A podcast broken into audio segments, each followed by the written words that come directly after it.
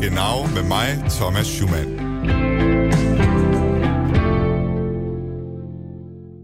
An alle Letztwählerinnen und Letztwähler an den deutschen Rundfunkempfangsgeräten. Deutschland.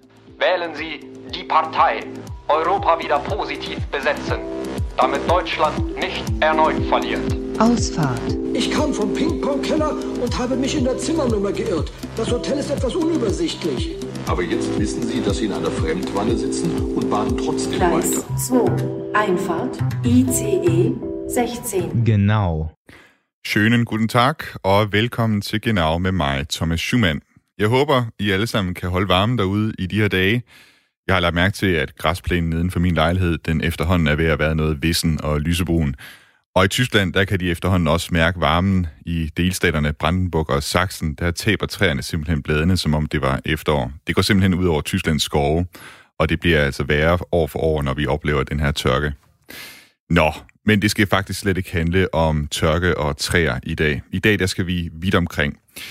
Og jeg sender igen live, så hvis du sidder derude og har spørgsmål eller kommentarer, så kan du som altid skrive ind på vores sms. Du skriver ind til 1424 og starter beskeden med R4, og så et mellemrum, og så din besked.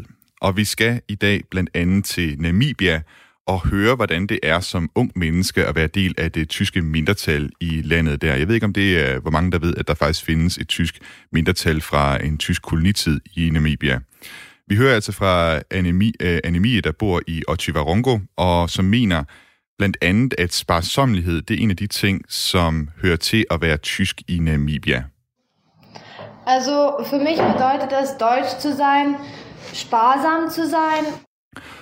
Og så skal vi også ind på chefredaktørens kontor på Die Welt, den store tyske avis Die Welt, og snakke med Ulf Porschardt, som har en for mig at se overraskende forbindelse til Danmark. Det taler jeg med ham om senere i udsendelsen, og så også om, hvordan medierne i Tyskland de klarer sig med stadig voksende vrede og mistillid mod sig fra dele af befolkningen. Ulf Porschardt, han mener blandt andet, at medierne selv har bidraget til den her mistillid, fordi journalister de har det med at se ned på de folk, som går på gaden og blandt andet demonstrerer mod coronalovgivningen. Manche Journalisten, die gucken so herab auf diese Menschen.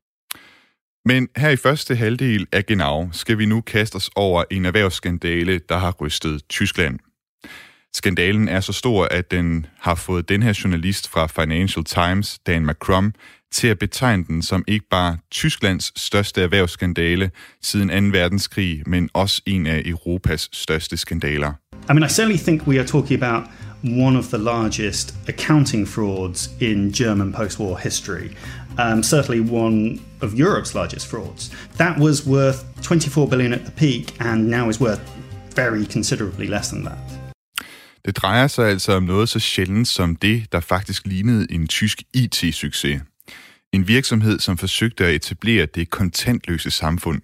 Ja, det kan nærmest ikke blive mere utysk, altså i et land, hvor man knap nok kan betale med dankort, når man skal ud på restaurant eller køre taxa. Og historien den viser også at være for god til at være sand. Virksomhedens bankbøger de så ud til at være fyldt med milliarder af kroner fra digitale transaktioner. Men det var alt sammen fusk med regnskaberne. Og undervejs i forløbet, der er det faktisk vist sig, at de tyske finansmyndigheder til synlædende også har spillet en ret uheldig rolle i den her skandale. Vi skal nu dykke ned i den tyske Wirecard-skandale.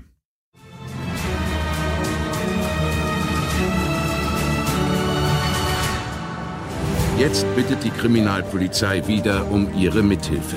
Aktenzeichen XY ungelöst. Sådan her lyder det, når Herr und Frau Deutschland ser det populære tv-program Aktenzeichen XY ungeløst. Det her program det går ud på at hjælpe politiet i aktuelle kriminalsager. TV-verden interviewer politiets efterforskere, sagsforløbet rises op, og så kan folk ellers ude i de tyske stuer ringe eller skrive ind med ledetråde til politiets efterforskere. Typisk der handler det om morsager eller kidnapninger. Men det var imidlertid ikke en morder, som politiet var på jagt efter til sidste onsdags udsendelse af Aktenzeichen XY.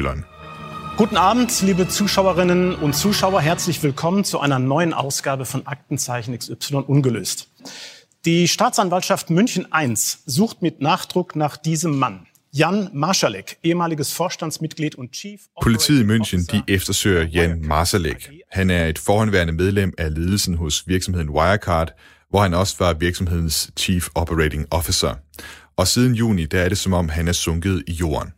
Marschalek wird vorgeworfen, zusammen mit weiteren Personen seit etwa 2015. Jan Marsalek, han er sammen med en række andre personer fra Wirecard mistænkt for at have fusket med regnskabet, så virksomheden den så ud til at klare sig meget bedre, end den faktisk gjorde.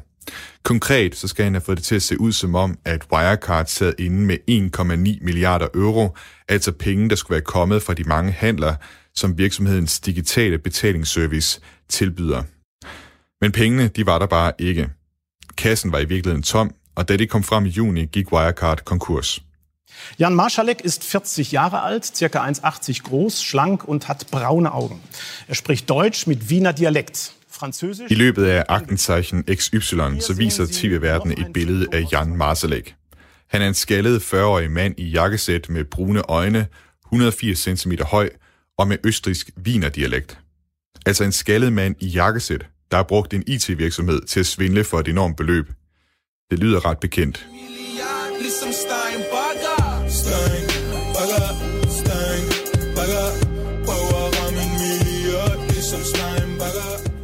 Ja, man kan hurtigt komme til at tænke på Stein Bagger og IT Factory, men i virkeligheden er Wirecard-skandalen meget større end det.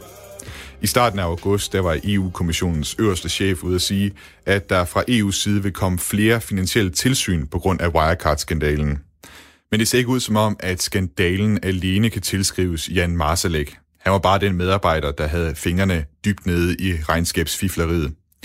Wirecards direktør Markus Braun, han er blevet fyret og er lige nu varetægtsfængslet af tysk politi. Det så ellers i lang tid ud som om, at Markus Braun han kunne gå på vandet. Before I talk about digitalization, I just want to say I'm also a pathologic optimist. For to år siden, der havde Wirecard en højere kurs på det tyske aktiemarked end storbanken Commerzbank. Virksomheden den skulle være 24 milliarder euro værd og have 5.000 medarbejdere. Wirecard fungerede som en slags mellemmand, når der skulle handles digitalt. De sørgede for, at pengene på kundens bankbog endte hos den person eller virksomhed, som kunden havde handlet med, og Wirecard tog sig altså betalt for hver handel, der foregik. And in one sentence, that's our business model helping the merchant to make more sales and more profits. Med Markus Brauns egne ord, så var forretningsmodellen altså at skabe mere salg digitalt, og derfor mere profit for virksomheder og for Wirecard. Og det var der mange tyskere, som egentlig synes var en smart idé. Hallo? Ja, det er mig normal. Det her er Samir Demarche. Han bor i den lille by Lingen, der ligger et godt stykke vest fra Hannover, men kun små 30 km fra den tysk-hollandske grænse, og så arbejder han med at bygge vindmøller rundt om i hele verden. Ich habe am, 22. März bin ich, da war mit Corona, mit Corona-Geschichten die ganzen DAX, also die ganzen Aktien sind ja runtergegangen. Den 22. marts, da aktiemarkedet styrtdykkede på grund af corona, fik Samir den tanke at investere nogle penge, og han overvejede, om han skulle investere i enten Tesla eller i Wirecard. Und da habe ich gedacht, jetzt Corona, keiner will das Geld so bei euch in, in Dänemark und in Schweden, ihr macht sehr viel mit den Karten. Ihr zahlt sogar 1-2 Euro mit den Karten und bei uns in Deutschland... Han tænkte, at med coronakrisen, så vil folk nok skifte til digitale betalinger, ligesom det er helt normalt i Danmark og Sverige at betale selv små beløb med kort. I Tyskland så er det stadig ret normalt at bruge kontanter, men han tænkte, at fordi folk de ville skifte til at bruge digitale betalinger nu med coronakrisen og risikoen for smitte, så vil Wirecard-aktien skyde i vejret. Så han investerede 5.000 euro, det svarer altså til 37.239 kroner. Ein paar Monate später hieß es, dass Wirecard komplett pleite ist, dass irgendeiner das ganze Geld gestohlen hat und der, den suchen die jetzt auf Fahndungsliste, der wird jetzt gesucht. Et par måneder senere, så var Wirecard gået for lidt, og folk i ledelsen de blev eftersøgt af politiet for bedrag. Und, und 5.000 Euro für Sie, wie viel Geld ist das? Das ist sehr viel Geld, das sind drei Monatsgehälter. Das Geld muss die drei Monate arbeiten. Ja. Jeg spurgte om de 5.000 euro, som Samir tabt, om det er mange penge for en person som ham, og han svarede, at det svarer altså til tre af hans månedslønninger. Ein oder zwei Kumpels habe ich auch noch gefragt, wieso investierst du jetzt an Wirecard? Und ein oder zwei Kumpels, die haben sogar auch noch investiert. Und ja, jetzt habe ich auch etwas schlechte Gewissen. Wie viel haben Sie verloren, deine Kumpel der? Og ich glaube, die haben um die 2000. Samir havde også overtalt to af hans venner til at investere i Wirecard. De investerede for omkring 2.000 euro, så lidt mindre end Samir, men alligevel har han dårlig samvittighed den dag i dag. Und ich habe falschen Joker gesetzt. Weil Tesla ist jetzt bei 1500 Euro und die waren bei 300. 350 Euro. Med Samirs ord, så satte han altså pengene på den forkerte farve.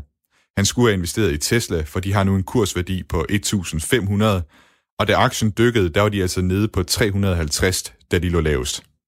Was ist dein Gefühl dann jetzt? Also, wie, wie, wie... Ja, danke. Ganz, ganz schlimm. Also, das ist ärgerlich. Jeg spørger Samir, hvad det er for en følelse, han sidder tilbage med nu, og meget forståeligt, så er han meget ærgerlig over sin investering. Also Samir, äh, vielen Dank dafür, dass äh, Sie mit mir reden wollten. Ich hoffe, dass keiner so Fehler macht wie ich in Dänemark. Da jeg siger farvel til Samir, så siger han, at han håber, at ingen i Danmark begår samme fejl, som han gjorde. Du lytter til Genau med mig, Thomas Schumann. Ja, Samir det fra længe i Tyskland. Han har altså tabt øh, omkring altså de her 5.000 euro på at investere i Wirecard, og han er langt fra den eneste. Jeg fandt frem til Samir via Facebook, hvor der indtil videre er et par grupper på samlet set en små 2.000 mennesker, som altså vil lave et fælles søgsmål mod Wirecard. Og de fleste af dem har nok oplevet noget lignende som Samir. Og så sagde han til sidst, at han håber ikke, at man i Danmark, at der skulle være nogle danskere, som begår den samme fejl. Og jeg skal nu til at tale med en person, som faktisk har gjort det præcis modsatte. For tro det eller ej, så kan man faktisk godt tjene penge på, at sådan en øh, virksomhed som Wirecard, den går konkurs. Og øh, jeg skal tale med en her, som altså kunne lugte ret tidligt, at der var noget rådent ved Wirecard. Jeg kan nu sige velkommen til Jens Larsen. Godmorgen. Godmorgen. Du og din forretningspartner Michael Danielewicz, I har sammen stiftet investeringsfonden St. Petri Capital, der ligger i København, og jeg taler lige nu med dig øh, på en forbindelse over til vores studie i København. Og jeres arbejde, det består altså i at finde virksomheder, som I mener, det vil være fornuftigt at investere i, fordi de kunne, hvad skal man sige, komme med et øh, afkast, det vil gå dem godt i fremtiden, altså som så mange andre investeringsfonder gør, ikke? Og du har 30 års erfaring med at investere blandt andet også i Tyskland.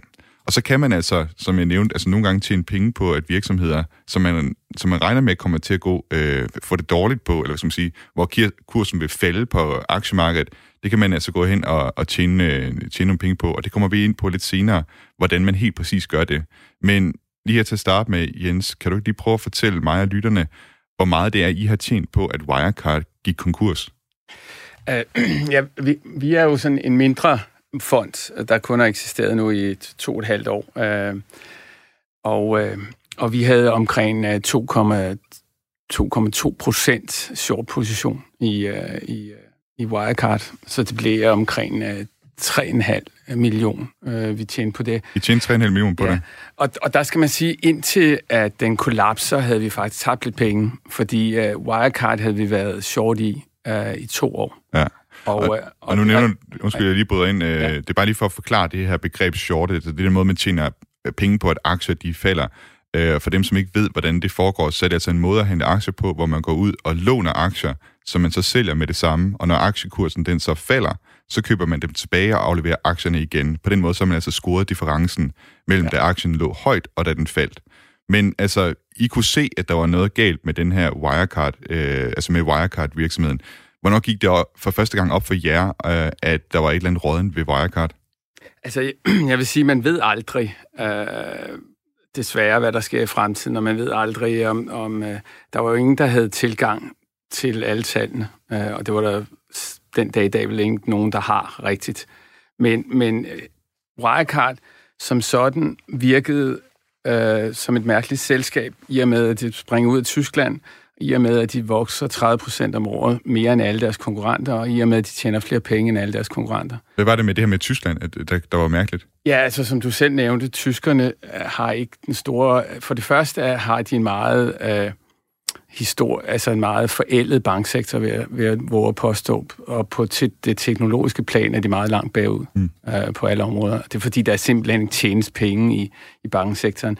Og så har de øh, en mistillid til kreditkort og digitale betalinger. Og så er det simpelthen mærkeligt, at du har sådan en virksomhed, som slår sig op på digitale betalinger, at den vokser så så stor. Ja, Ja. Øh, og, og, og det der også er, de forretninger, de var i, er ikke så profitable, øh, ud fra vores erfaring, som Wirecard øh, sagde, de var. Ja. Øh, altså en af de ting, de gør, de køber sådan noget, som hedder kredit acquiring, det vil sige, når man betaler med øh, kreditkort, så køber de enige af betalingerne og, og betaler dig som, som handlende du får dine penge, og så tager de sig af resten.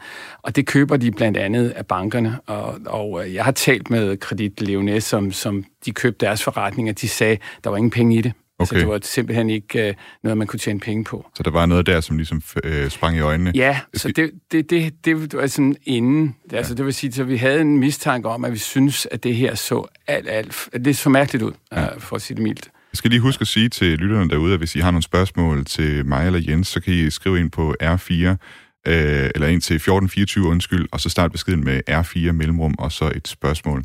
Hvornår, hvornår var det, Jens, I besluttede jer for at, at vælge at short den her aktie? Ja, så øh, øh, har jeg faktisk et møde med Markus Brown i... i altså direktøren? I, ja, direktøren. Ja. Og det er i 2018, øh, med, øh, omkring sommer øh, til, en, til en konference, hvor det er, der er en del tyske investorer i lokalet, og så jeg selv. Og der får jeg altså en følelse af, at han... Øh, han siger ting, som jeg ved ikke passer. Altså, som jeg, altså han, jeg vil sige, nu har jeg fulgt ham længe, og han lyver aldrig direkte, men han, mm, han er meget manipulerende i den måde, han, han taler om det. Og i det her tilfælde giver han øh, et indtryk af, som han jo også kursmæssigt har. Man vil se, i 18 stiger kursen jo 150 procent i, i løbet af det år. Øh, det er da, den ligger på sit højeste faktisk. Ja, i 18, ja den kommer op til, ja. og jeg vil sige, efter vi shorter den, fortsætter den med at stige, øh, da vi begynder at shorte den. Og det han siger, det er, at, øh, at han er den der visionære, han udstiller sig selv som den der fantastiske visionære IT-mand, der, der er ligesom Bill Gates og Zuckerberg har, har set fremtiden, og, og den fremtid, han beskriver, er ikke fremtiden, men nutiden øh, i Danmark og Sverige. Øhm, og og øh, altså, så du, du lægger mærke til, at, at det, han, det, han sidder og beskriver, det han, den her fremtidsvision, han, han har, det, det er altså noget, som vi allerede oplever her i, i Norden, eller Ja, han taler om noget som net, ja. øh, som på daværende tidspunkt øh, havde store problemer med at vokse, og var ikke, øh, øh, allerede har øh, dybest set. Øh, og, og, og, og vi er der allerede øh, på, på, på langt hen ad vejen. Og, og, og, øh, og han beskriver også en, en forretning, man kan gå ind i, hvor man bare kan gå ud igen, som, som, som er lavet i, i, i Seattle af Amazon, som han ser det langt ude i fremtiden. Så, så, så det, alt det passer ikke. Øh, egentlig det andet, han beskriver, det er, at, at han har et tæt partnerskab med Apple og Google og, og Alipay og alle de her store selskaber, øh, og ligesom bringer øh, Wirecard op på linje med dem. Og, og de her samarbejder foregår jo med alle betalingssystemer i hele verden. Det er, hvis du går ned og køber, og du kommer ind som, som kryds, øh, med krydstogsskib til København, så kan du tage Alipay og sådan noget. Så Nets har samme samarbejde, og det er alle betalingssystemer, så der er overhovedet ikke noget specielt i det overhovedet. Så han, så... Går, han går altså og taler de her, de her ting op. Men, men jeg tænker, du, du sidder jo der, og, og der er ligesom nogle røde lamper, der lyser der, når han ja, siger altså... det her. Hvordan, hvordan, kan det, hvordan kan det være så stor forskel på... Altså, det, det er som om, du kan, du kan se ham igennem ham, du ja, vælger at short altså... ham. Men hvordan kan det være så stor forskel på, at at, at, at sådan en virksomhed som Wirecard altså kan, kan komme op i så høj en kurs på det her tidspunkt, mens der er altså folk øh, som jer derude, der sidder og, og tænker, at det er, det, det er fodboldsvindel. Altså, han virkede på mig som det gamle udtryk, man siger, en enøjet konge i de blindes rige. Ja. Øh, og der vil jeg sige, der sidder han med, med en masse tyske bankfolk, som, som, hvor Tyskland er meget bagud. Og jeg vil også sige, der er ingen andre selskaber, du kan analysere øh, i, i Tyskland, der laver det samme. Så, så, så der var ikke nogen, der havde kendskab til, til, øh, til det her rigtigt. Øh, nok til måske at kunne så, så der var en, en, en vis begejstring, øh, for at sige det mildt, og, og aktiekursen stiger voldsomt de, de, de dage. Øh, det er ligesom så, med... så, så, så hele det der omkring selskabet, omkring hans rolle, og der var jo, der var jo nærmest stående bifald. Altså. Det er ligesom med Samir der, som, som tænkte, altså det var den virksomhed, han så i Tyskland, ja. der ligesom... Ja. Altså forestil jer ja. Tesla, som er et fuldstændig unikt selskab, jeg vil jeg ikke tælle om aktiekursen, som nok er alt, alt for høj, men, men, men, virkelig har været banebrydende. Og så Wirecard, som overhovedet ikke er banebrydende, men noget som helst. Øh, at de ligesom kommer i samme øh, boks. Ja. ja. Og lige kort, kan du sige lidt om, hvordan virkede han som person, da du mødte ham, Markus Braun, direktøren der? Ja, men han... Øh, ja, han, han er jo en... Han, han virker som en... Øh, han virker lidt som en, en, en, en introvert mand, som, som egentlig forsøger at spille en rolle. Mm. Øh, som en eller anden... Altså, han er jo doktor, og der er den der store tyske normale titler. Uh, han har faktisk to universitetstitler, og han er founder og hovedaktionær, og, og har skabt det her selskab fra, fra helt tilbage fra 2002, uh, og selv investeret i det, så, så han nød jo en fantastisk respekt øh, i Tyskland. Ja. Den her, den her historie, den har jo så også vist sig til, til synligheden at have et noget større omfang end blot øh, et enkelt rådent øh, IT-selskab. Vi skal lige høre et, øh, og den, den trækker i øret tråd, det, det som efterforskningen siger nu, det er, at, at det her svindel, det er altså øh, stået på siden øh, 2015. Og vi skal lige høre et klip fra Dan McCrum. Han er den journalist på den britiske avis Financial Times, som altså var ledende i at afdække øh, skandalen. And so Wirecard turned around and said, the FT had leaked its story in advance to hedge funds. And that, um, it was a... Han siger her, at uh, Financial Times blev beskyldt af Wirecard for at have lægget informationer for at manipulere aktiekursen. Der var ingen hold i beskyldningerne, men det var alligevel nok til, at det tyske finanstilsyn, det der hedder Bundesanstalt für Finanzdienstleistungsaufsicht, også kaldet BaFin, de indledte en undersøgelse mod Dan Crum og hans journalistiske kolleger på Financial Times. Det indledte altså ikke en undersøgelse mod Wirecard på, grund af, på baggrund af det, som Dan Crum og Financial Times de, de skrev om. Jens øh, Larsen, det, det, det lyder jo næsten som om, at Barfin lidt har vil hjælp, altså hjælpe hjemmeholdet Wirecard. Ja. Hvad, hvad er dit indtryk af, hvordan øh, tyske myndigheder og Tyskland som sådan har håndteret den kritik, der var af Wirecard før skandalen brød ud? Altså, det, det, er, det, det var nok noget af det mest besynderlige, at, at, at øh, Barfin går ind her, fordi øh, vi taler om, om at Barfin, der ikke gjorde noget under det største short squeeze nogensinde, nemlig Folkevogn, som stiger under finanskrisen 13 gange, øh, og, og, og betyder, at en masse hedgefonde taber utrolig mange penge. Og faktisk er det sådan, at, at en af founderne af Heidelberg Cement øh, begår selvmord, fordi han tabte en halv milliard øh, øh, på det. Øh, og det kan man sige, det, det er så folks egen skyld, men Barfin gjorde intet øh, dengang. Og Barfin gør heller ikke noget i øh, 2011, hvor at øh, Frankrig, Spanien, Italien og en række lande lukker ned for øh, at shorte deres aktiemarkeder på grund af, at udlandet shortede Europa generelt. Og det betyder faktisk, at det tyske DAX-indeks falder 28 procent, fordi det, Tyskland var det eneste sted, man kunne shorte. Øh, og så vælger man her helt ekstraordinært og, og bandlyse shorts i, i, i nok det største svindelselskab i, i, i, Tyskland. Og, og der kan man sige, at på daværende tidspunkt var short fondene og, og dem, de var jo de eneste, der gjorde noget for at, at bringe det her frem. Uh, så så det, det er højst besynderligt. Ja. ja. Vi har øh, halvanden minut tilbage her i den her øh, del af udsendelsen. Øh, lige kort her til sidst. Er, er I gang med at short andre aktier for tiden? Jamen, vi shorter jo vi shorter generelt øh, ejendomsselskaber i øjeblikket, som... Øh, man kan sige generelt, at vi ikke eksperter i at finde svindel. Altså, vi, vi er mere... Øh, vi prøver at finde selskaber, som er alt for højt vurderet, og hvor opfaldelsen på børsen er alt for optimistisk. Og der var Wirecard, det var simpelthen, øh, det var ikke til at overse den sammenhæng, eller hvad? Nej, men altså det virkede, det, den virkede forretningsmæssigt øh, voldsomt overvurderet. Øh, og så er det helt op, altså så vil jeg også sige, at jeg har været udsat for det, som, som Wirecard laver, og man vil finde ud af, at de har lavet, der hedder round tripping, hvor man øh, tager penge og fører det ind fra balancen som indtjening. Ja, det er den måde, de ligesom ja, det er det. fusker og, med regnskabet. Og, og det havde jeg set før, ja. øh, og været offer for øh, i Spanien en gang. Så jeg vidste godt, hvordan de gjorde det, så her var det ret tydeligt, det det, de gjorde. Ja. Men det, det er Jens- lidt undtagelsen. Ja, jeg bliver desværre nødt til at afbryde dig ja. nu. Øh, Jens Larsson, øh, medstifter af St. Petri Capital, tak for, at du var med i dag. Ja, jeg takker for, at jeg fik lov at være med. Og så kan jeg sige, at det seneste nye skandalen, det er altså, at handlen med Wirecard-aktier blandt Barfins medarbejdere, den steg altså før det var, umiddelbart før, at Wirecard gik konkurs. Man ved ikke helt præcis, hvad de dækker over, men det kunne altså tyde på, at, bar, at der var nogen i Barfin, som godt vidste, at de måtte af med aktien. Nu skal vi have nogle øh, nyheder med Signe Ribergaard. Du lytter til Genau med mig, Thomas Schumann.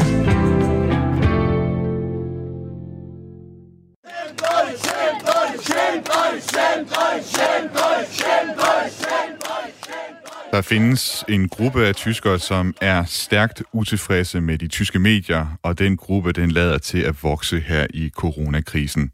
Man hører i hvert fald dem skille ud på tyske medier, sådan som man hører i klippet her, hvor de råber skam jer af et hold journalister fra Spiegel.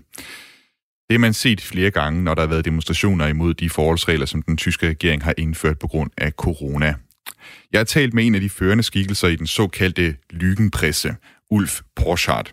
Ulf han er chefredaktør på avisen Die Welt, altså en af de store dagsordenssættende aviser i det tyske medielandskab, og som de her mennesker altså mener lyver om, hvordan virkeligheden den ser ud.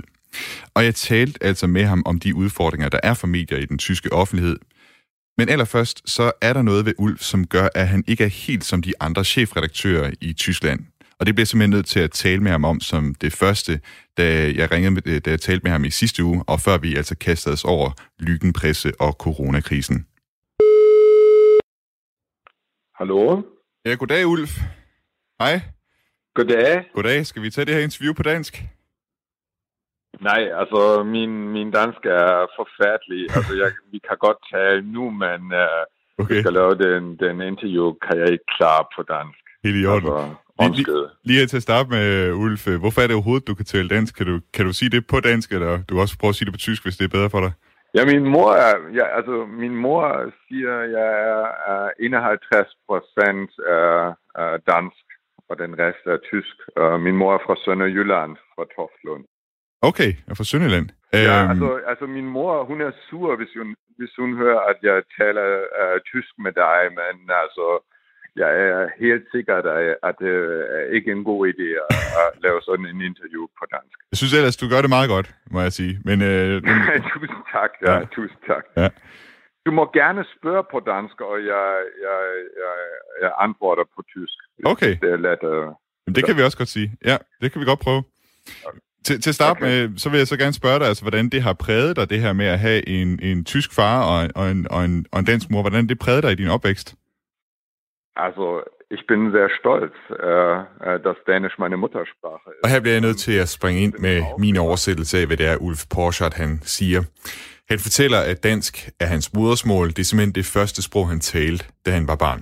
Also, den lille Ole med paraplyen, han kender alle små folk i byen. War so Den lille Ole med paraplyen hører til de børneviser, som Ulf sang hver aften, før han gik i seng som barn. Ich habe ja einen vollen Migrationshintergrund. Dadurch, dass die deutsche Sprache für mich eigentlich... Jeg har en 100% indvandrerbaggrund, for tysk er egentlig mit andet sprog. Og i min families historie, der kan man aflæse de komplikationer, der har været i det dansk-tyske forhold.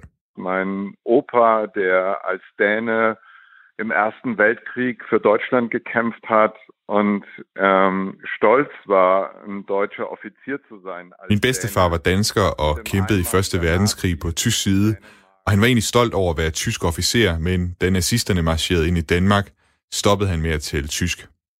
Og på den måde har jeg også et kompliceret forhold til min tyske identitet. Ja, vi, vi har ja mit der coronakrise nok meget gesehen. Das jeg slår også selv over i tysk. Det er simpelthen for forvirrende at tale dansk og få svar på tysk. Og vi vender os mod situationen for medier som Belt i Tyskland, hvor stadig flere ser skeptisk på de klassiske medier. Jeg spiller et klip for Ulf Porschardt fra Spiegel TV, hvor journalister de er tæt på at få en gang øretæver, da de er ude og filme en demonstration. Nimm die Kamera weg, du Vogel, sonst klatscht es. Du hast mich doch zuerst gefilmt. Ganz ruhig. Hey, verpiss dich! Was ist los hier? Ganz ruhig, ganz ruhig. Was ist los? Ganz ruhig. Hey, Verpiss dich! Ist ne, ist ne. Ganz ruhig. Und wir sind Privatpersonen. Jeg spørger Ulf, hvordan han selv har kunne mærke den vrede og mistillid, som der for tiden rettes mod medier i Tyskland fra bestemte grupper i samfundet. Also dieses Misstrauen gibt es ja schon länger. Dieses Misstrauen gab es bei Medien immer und das waren früher schon bei der Süddeutschen... Mistillid har der længe været i medierne. Da jeg arbejdede på Syddeutsche Zeitung, der oplevede jeg en type af læsebrevskribenter. Det var typisk ældre, forbidrede herrer, som skrev ind om, hvordan medierne de ødelagde alting. Und mit der Flüchtlingskrise und auch einigen Fehlern, die die Medien gemacht haben, äh, im Zuge der Flüchtlingskrise hat sich da so ein neuer, sehr, sehr... Med flygtningekrisen, der opstod der en ny mediefjendtlig randgruppe i samfundet. De fik følelsen af, at medierne hverken repræsenterer eller tager deres bekymringer og behov alvorligt, og det er til dels også mediernes skyld, at det gik sådan. Das Besorgniserregende, und wir erleben es ja auch äh, ähm, als Medium, ist, dass diese Leute wirklich... Det bekymrende er, at det er meget svært at komme i dialog med den gruppe. I hvert fald i en oplyst, savlig, nuanceret og pluralistisk dialog om deres bekymringer og deres behov. Det er nærmest umuligt. Det, som Spiegel-journalisterne oplevede i klippet, det har andre journalister også været udsat for ved andre demonstrationer i Tyskland. Die erreicht man eigentlich nur noch mit verschwörungstheoretischen Irrsinnsmedien, die es ja auch äh, an allen Orten im Internet gibt. Und ähm, das ist ein Problem. Det er kun med konspirationsteoretisk sludder fra diverse forer på internettet, at man kan nå ud til den her gruppe af mennesker. Og det er et problem for et pluralistisk samfund som Tyskland og Danmark, hvor det gerne skulle være sådan, at en overvejende del af befolkningen ganske vist kan have forskellige holdninger, men samtidig være enige om en eller anden form for fælles beskrivelse af virkeligheden. Ulf Porschert han nævnte selv, at medierne bærer en del af ansvaret, og jeg beder ham uddybe, hvad det er, man har gjort galt, og hvad det er, hans egen avis har lavet af fejl. Also das Gute ist, wir haben nichts falsch gemacht, sondern äh, wir haben ganz früh in der Flüchtlingskrise... Det gode er, at vi på Die Welt faktisk ikke har gjort noget galt. Tidligt i flygtningekrisen, der gik vi hverken ombord i fortællingen om, at alt bare skulle være i skønneste orden, eller at alt skulle være tæt på at ramle sammen. Vi forsøgte at skildre alle sider så omfangsrigt som muligt. Äh, das sage ich nicht ohne Stolz, weil das wurde auch damals äh, ähm, so, so ein bisschen vom paar Det er ikke uden stolthed, at jeg siger det her, for der var folk, som satte spørgsmålstegn ved vores linje, og som gerne så den linje, man så i public service-medierne, hvor man gik med på fortællingen om, at Tyskland der selvfølgelig skal tage imod flygtninge, og som Angela Merkel sagde, wir schaffen das, vi klarer det. Da hat der öffentlich-rechtliche Rundfunk, der by the way nicht so ähm, brillant ist wie das ähm, dänische Fernsehen. Public service-medierne, som i øvrigt ikke kan måle sig med, hvor dygtige de er på Danmarks Radio, de begik en masse fejl. De lavede journalistik ud fra deres egen overbevisning, og der kørte i lang tid en diskussion om de såkaldte kommentarer i den sene nyhedsudsendelse på ARD, Tagestemen, hvor en journalist udlægger teksten lidt som i en leder. Wenn ich selbstkritisch bin und sage, was war es denn, wenn es nicht die Flüchtlingskrise war, und Hvis jeg skal være selvkritisk og se på, jamen, hvad er det for problemer, vi har på de Welt, hvis ikke det er flygtningekrisen, hvad er det så? Så vil jeg sige, at vi ligesom alle andre medier i høj grad orienterer os mod de urbane og højt uddannede miljøer. Wer spricht denn die Leute an, die nicht dieses Bildungsniveau haben? Wer spricht denn die Leute an, die in der tiefsten Provinz leben? Und da, glaube ich, sind... Men hvem henvender sig til dem med korte uddannelser, dem der bor langt ude i provinsen? Der tror jeg, at alle medier har en udfordring i at nå de folk, som er hægtet af, som ikke har et forhold til, hvad de urbane eliter i Berlin, Hamburg, København og Aarhus er optaget af. Der er en stor forskel i, hvordan de mennesker lever, og de føler ikke, at eliten interesserer sig for dem. Kan man von altså in Bezug auf, auf die Jeg spørger Ulf, om man kan tale om en stigende tendens aktuelt i forhold til de her mennesker, som altså går i kødet på de etablerede medier. Also im Augenblick ja. Corona ist ja auch echt eine große Herausforderung. Und natürlich sind die äh, Ausnahmezustände, die wir haben, für viele Menschen bedrohlich. Ja, det kan man for øjeblikket. Corona det er en stor udfordring, og naturligvis så virker de undtagelsestilstand, vi har for øjeblikket, som en trussel for mange mennesker. De er bekymrede for deres job, og man skal tage de bekymringer alvorligt. Man kan ikke bare affeje dem som noget ligegyldigt og gennemtrumfe en bestemt coronapolitik uden videre. Ich finde, man kann Fragen haben. Ich finde, man kann Dinge bezweifeln. Und nur wenn wir als liberale Mehrheitsgesellschaft... Det er okay at stille spørgsmål, det er okay at tvivle, og kun hvis vi som liberalt flertalssamfund ikke forfalder til sådan en rolle, hvor vi udstiller folk, der ikke lever op til vores uddannelses- og refleksionsniveau som åndssvage. Kun sådan kan vi forhindre, at der bliver flere af de her mennesker. Und ich glaube, so manche Journalisten, die gucken so herab auf diese Menschen. Und ich glaube, diese Hierarchie. Jeg tror, at mange journalister de sidder ned på den her slags mennesker. Og det hierarki, det er fatalt. For enhver kan mærke det, og så taber man altså de dele af samfundet. Her i coronakrisen, der har man også set en fremvækst af flere såkaldte alternative medier eller fri presse, altså hjemmesider, som siger, de videregiver sandheden om corona, men som mest af alt slynger om sig med konspirationsteorier. Jeg spurgte Ulf, om det er noget, som han mener udfordrer de etablerede medier og en avis som Die Welt. Also die ist dann groß, wenn wir weiterhin scheitern, ähm, diese Leute zu erreichen, weil natürlich haben die ein Informationsbedürfnis. Konkurrencen fra den her slags medier, den vokser sig først stor, når vi ikke kan nå ud til de her mennesker, for de har selvfølgelig et behov for at holde sig informeret. Og hvis man kigger på et magasin som det politiske tidsskrift Kompakt, eller på forer på internettet, så er det altså formørkede kanaler for desinformation. Dann dürfen wir nicht vergessen, wir leben in geopolitisch spannenden Zeiten. Ähm, wir haben natürlich auch ausländische ähm, Einflussnahme, sowas wie Russia Today. Og så må man ikke glemme, at vi lever i en interessant tid geopolitisk, hvor udenlandske medier som Russia Today forsøger at blande sig i politiske debatter og med en slags propaganda og desinformation forsøger at destabilisere de liberale vestlige demokratier.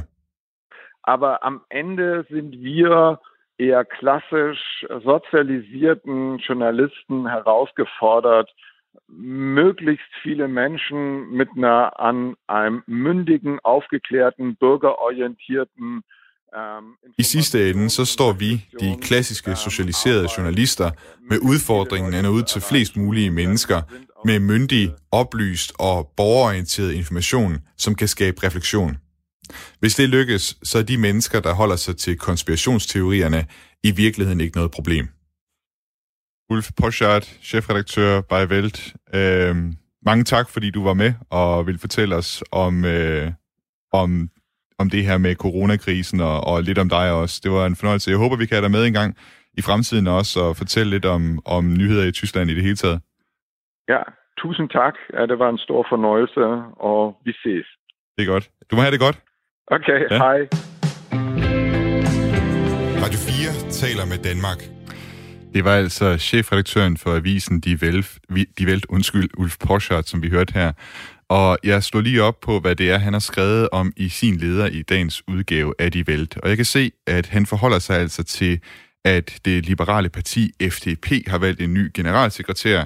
Han hedder Volker Wissing. Det er der nok ikke så mange danskere, der kender det navn. Men her der gør Ulf Poschert altså status over FDP's retning over de seneste år. Han skriver, at det enmandsshow, som FDP's formand Christian Lindner har kørt i de seneste år, de har mistet sin charme. Christian Lindner, han har jo været sådan en komet, hvad skal man sige, i, øh, i tysk politik, særligt blandt de unge, op til det sidste forbundsdagsvalg. Men det er som om, at luften den er gået ud af den ballon. Partiet det har simpelthen ikke længere slagkraft. Ifølge meningsmålingerne, så skal de simpelthen kæmpe for, hvad de, øh, hvis, det er, hvis det er, at de skal ind i forbundsdagen igen. De har det med at ryge ud af en af forbundsdagen. Og valget af Folker Wissing, det er, intet ny, det er ikke noget nybrud, mener Ulf Poschardt. Wissing har slet, slet ikke øh, slagkraft nok til at være et opgør med det her e-man-show, som Christian Lindner han kører. I stedet for, så er det bare mere af det samme. Og nu skal vi så til noget helt andet.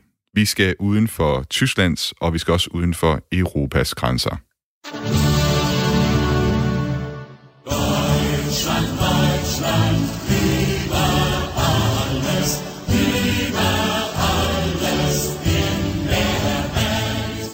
Tyskland er ikke det eneste land, hvor der bor tyskere.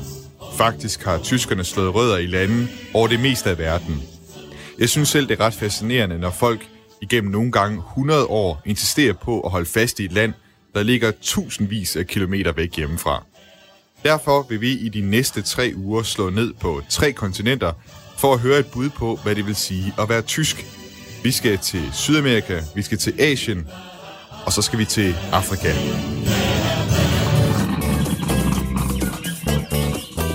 Meine Güte, Jochen, Was siehst ist du los? heute gut aus. Dankeschön. Selvom det her lyder som en velsmurt radiostemme fra Norddeutsche Rundfunk eller Westdeutsche Rundfunk, så stammer den altså fra Namibia og den offentlige radiokanal Funkhaus FM.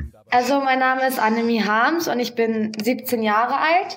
Namibia, det er et land i det sydvestlige Afrika, og det har en tysktalende befolkningsgruppe, der tæller op mod 30.000 mennesker. Herunder den 17-årige Anemie. Ähm, also im Moment bin ich im Heim. Ähm, wir haben hier in Otjiwarongo haben wir ein deutsches privates Schülerheim.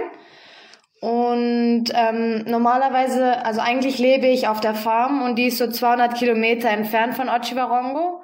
Da jeg taler med Anemie, så befinder hun sig på den tyske kostskole i ørkenbyen Otjiwarongo. Hendes familie bor ellers på en farm 200 km derfra. Also auf der Farm haben wir halt sehr, sehr wenig Häuser und wir haben sehr, eine sehr große Fläche. Also wir haben eine Farm, die ist 8000 Hektar groß. Das heißt... Ähm, Farmen den ligger meget øde, og der er ikke mange huse på de 8.000 hektar, altså et areal, der er ikke meget mindre end Ærø. Her har familien både kvæg, fugle og heste. Og farmen, det er for hende indbegrebet af det at være tysk i Namibia. Ans, also ich denke dann meistens ans Heim und einfach an meine Familie und einfach an die Sprache selber. Also das Og så naturligvis det tyske sprog. At Anemie og tusindvis af andre tyskere overhovedet opholder sig i Namibia, det har en historisk begrundelse. Die ersten Europäer kamen damals über die östliche Route zu uns. Hier durch, darüber, bis hinauf ins Dorf Mlalo. Die weißen Männer sagten, sie wären gekommen, um die Worte Gottes zu verbreiten. Lyden her stammer fra en gammel sort-hvid film om Namibia.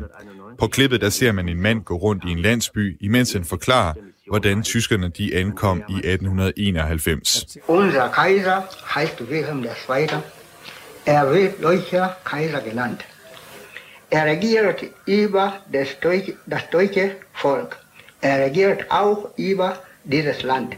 Som den gamle mand fra landsbyen forklarer, så var kejser Wilhelm både kejser over Tyskland og Namibia. Dengang var det kendt som Deutsch Sydvestafrika. Tyskland mistede overherredømmet efter 1. verdenskrig. Apology, recognition, and reparation. These are our main points, three points, which we are demanding from the German government. Efter at have været blevet besat af englænderne, blev Namibia et mandat under Sydafrika. Og først i 1990 blev det et selvstændigt land.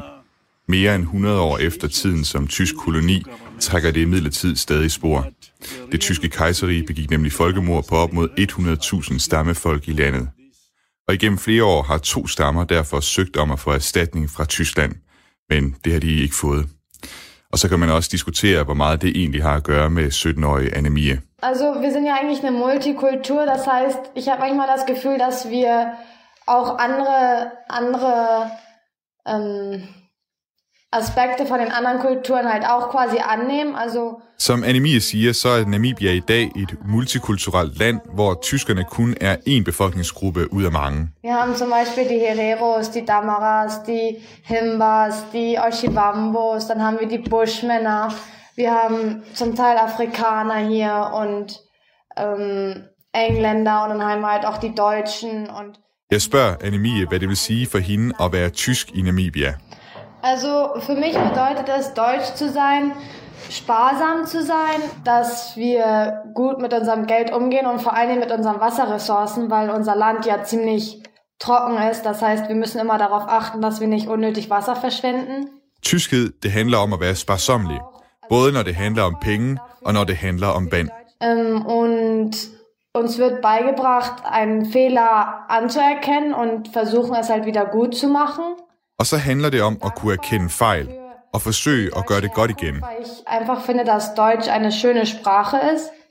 Vigtigst er selvfølgelig sproget, og Anemie fortæller også, at de både afholder et årligt karneval og fejrer Oktoberfest. Ich wollte eigentlich dieses Jahr nach Deutschland, aber ja, das hatte sich nicht ergeben.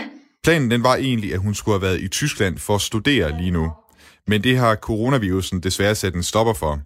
Hun har imidlertid været på besøg hos sin familie i landet tidligere. Also es war, es war eine Umstellung zum Teil. Ich, das, was ich am ungewöhnlichsten fand, ist, wenn wir in einem Restaurant essen waren, mein Essen auf Deutsch zu bestellen. Weil hier ist es halt so, dass man entweder auf Englisch oder auf Afrikaans bestellt. At man kunne bestille mad på tysk, det var for Annemie en stor oplevelse. Og det samme var det, at hun kunne forstå, hvad folk de sagde, når hun gik rundt på gaden. De talte hendes modersmål. Wenn man in der Stadt rumläuft und ähm, Fußgänger neben sich hat, die sich in deiner Muttersprache unterhalten, weil man das hier eigentlich gar nicht so gewohnt ist, dass es so viele Deutsche gibt. Alene det, at der var andre mennesker, og ikke mindst i de mængder, det var en overraskelse i sig selv. Wir haben ein großes Land, aber eine kleine Population. Namibia vil dog altid være hendes land. Also in Deutschland habe ich mich eher wie Nami Namibia gefühlt. Also man sagt ja nicht Namibianer, man sagt ja Namibia. Ähm, aber ich glaube, im Großen und Ganzen mer merken die eigentlich gar nicht, dass ich nicht von Deutschland komme. Aber ich weiß, wo ich herkomme und irgendwie habe ich halt immer das Gefühl, dass Namibia halt trotzdem mein Zuhause ist. Also Namibia, det er hendes hjem. Og derfor så ser hun heller ikke sig selv som en rigtig tysker. Glaube ich, konnte ich mich nicht richtig als purer Deutschländer quasi fühlen. Also ich bin halt deutsch, aber ja, also ich bin ja nicht in Deutschland aufgewachsen. Som det sidste spørger Annemie, hvordan hun ser på fremtiden for tyskerne i Namibia. Hun er selv 17 år, og hun skal gøre op med sig selv, hvor vigtigt det er at være tysk, og ikke kun Namibier. Also ich denke, dass meine Kinder auf jeden Fall Deutsch sprechen werden, weil hier im Land wird das Deutsch sehr gefördert. Wir haben sogar einen deutschen Radiosender und es gibt mehrere kleine Privatschulen, in denen Som det første slår hun fast, at hendes børn også kommer til at lære tysk. Og så fortæller hun, at tysk understøttes i både radioen og i undervisningssystemet i Namibia. Hun føler egentlig, at tyskerne har det godt. De skal ingen steder. Und ich habe das Gefühl, dass, dass die Deutschen sich eigentlich hier ziemlich wohlfühlen. Also wenn ich fertig studiert habe, dann werde ich auf jeden Fall wieder zurück nach Namibia kommen.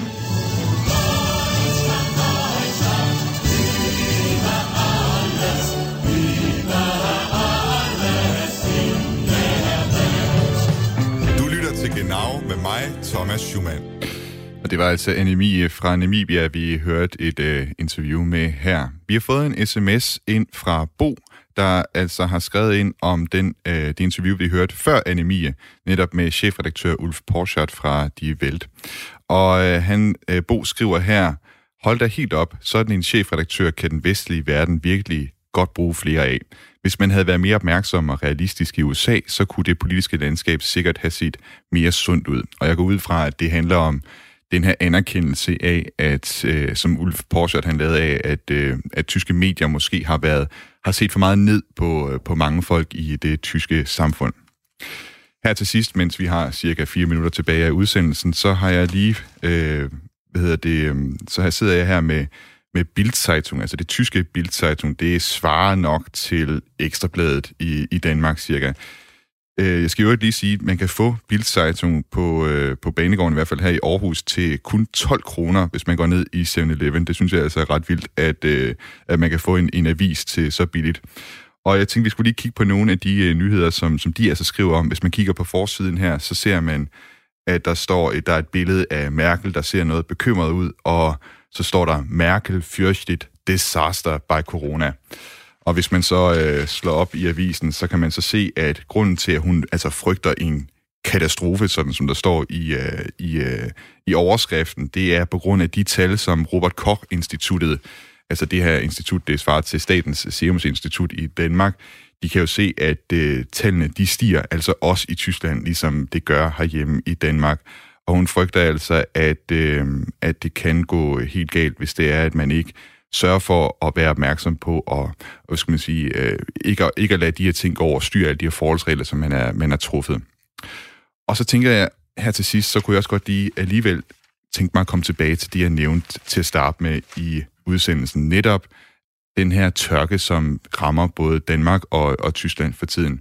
Jeg begyndte jo at tale om træer, og Tyskland er nemlig ramt af tørke, og det går altså ud over de tyske træer. Am Freitag bis 36 Grad. Ja, altså på fredag der bliver det igen mere end 36 grader nogle steder i Tyskland, som man kunne høre i nyhederne i går, og det går altså ud over landets skove. Flere steder, der taber træerne simpelthen bladene. Wir haben Herbst im Sommer. Og øh, vi har, altså, som en, en altså siger her til Deutschland øh, Funk, altså vi har fået, vi har efterår om sommeren, øh, det, det er en skovgænger i øh, Lene Bergwald uden for Frankfurt, der, der siger det til Deutschland Funk. Problemet det har ikke kun ramt det vestlige Tyskland, også skovene i Sachsen og Brandenburg øh, i øst, de lider under den utrolige varme. Sehr dramatisch. Über ein Viertel der Altbäume ist mittlerweile tot oder schwerst geschädigt. Entweder sterben sie ganz ab, wie jetzt zum Beispiel diese eine Eiche hier im Hintergrund, die Alteiche oder diese Schwarzkiefern, die als Mittelmeerbaumart das eigentlich aushalten sollten. Over en fjerdedel af de gamle træer de er tæt på at være døde eller svært beskadige. Selv sortfyrtræerne, der skulle kunne gro i, uh, i Middelhavsregionen, de dør altså. Det ser Joshua Erbes fra Skovmyndigheden i Regnhesten til Syd øh, SRV, øh, Syd Rheinische Vestfunk. Ja, jeg ved sgu ikke lige, hvad det, hvad det skal oversættes med. Men han kalder altså situationen dramatisk. På kort sigt så forsøger han at plante flere forskellige træer i håbet om, at diversiteten kan redde skoven fra tørkedøden. Og med det er vi nået til vejs inden for dagens udsendelse af Genau. Else har skrevet ind og sagt mange tak for Genau. Interessant og nuanceret og nysgerrigt. Øh, tak for det, Else. Genau er som altid lavet af mig, Thomas Schumann, og min kollega Jeppe Rets Husted. Hvis du har ris, ros, kommentar eller andet eller spørgsmål, du gerne vil sende ind til Genau, så kan du gøre det på vores mail. Det er genau radio4.dk. Du kan altid lytte til tidligere udsendelser af Genau inde på Radio 4's hjemmeside, på Spotify eller på Apples podcast player. Indtil vi øh, høres ved igen, så vil jeg bare ønske dig en, en god uge und bis dann.